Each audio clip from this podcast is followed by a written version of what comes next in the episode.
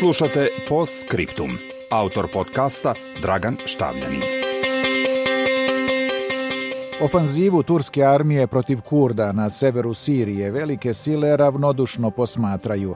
Ista ćutnja je vladala i pre nekoliko meseci kada je iračka armija potpomognuta iranskim milicijama preuzela kontrolu nad Kirkukom i okolinom, potisnuvši kurdske pešmerge.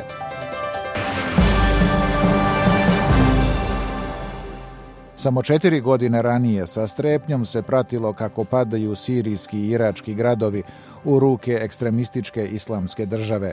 Jedina snaga koja se tada odlučno suprostavila bile su kurdske pešmerge. Iako malobrojniji i slabije naoružani od islamista, uspeli su da zadrže njihov napad. Svet ih je slavio kao Spartance Bliskog istoka.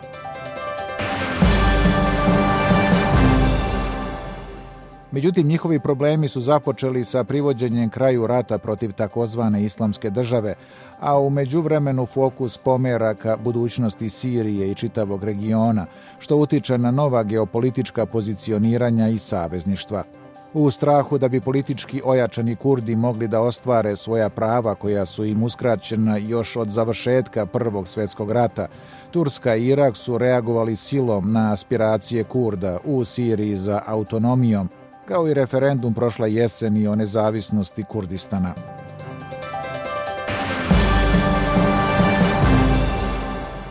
SAD su ostale po strani, iako su im Kurdi bili ključni saveznici na terenu u borbi protiv islamista.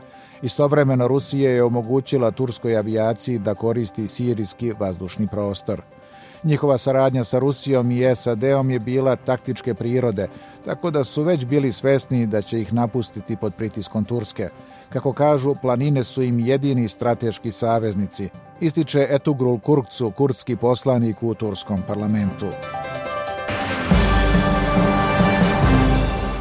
Nema sumnje da su toj izolaciji Kurda delimično doprineli i njihovi lideri zbog loših procena i poteza.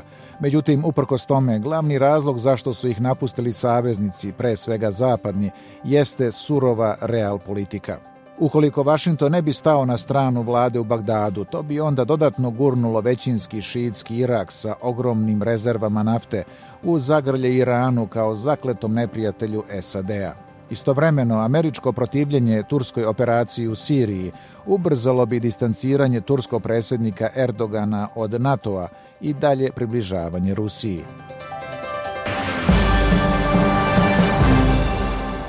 U međuvremenu, geopolitičke nagodbe velikih sila zara trenutnih interesa, opet na štetu Kurda, neće voditi dugoročnoj stabilnosti na Bliskom istoku. Naprotiv, takvi aranžmani su kratkog daha, jer počivaju mnogo više na geopolitičkim kalkulacijama nego na principima, do nove krize kada će se pitanje položaja Kurda postaviti u još dramatičnijoj formi.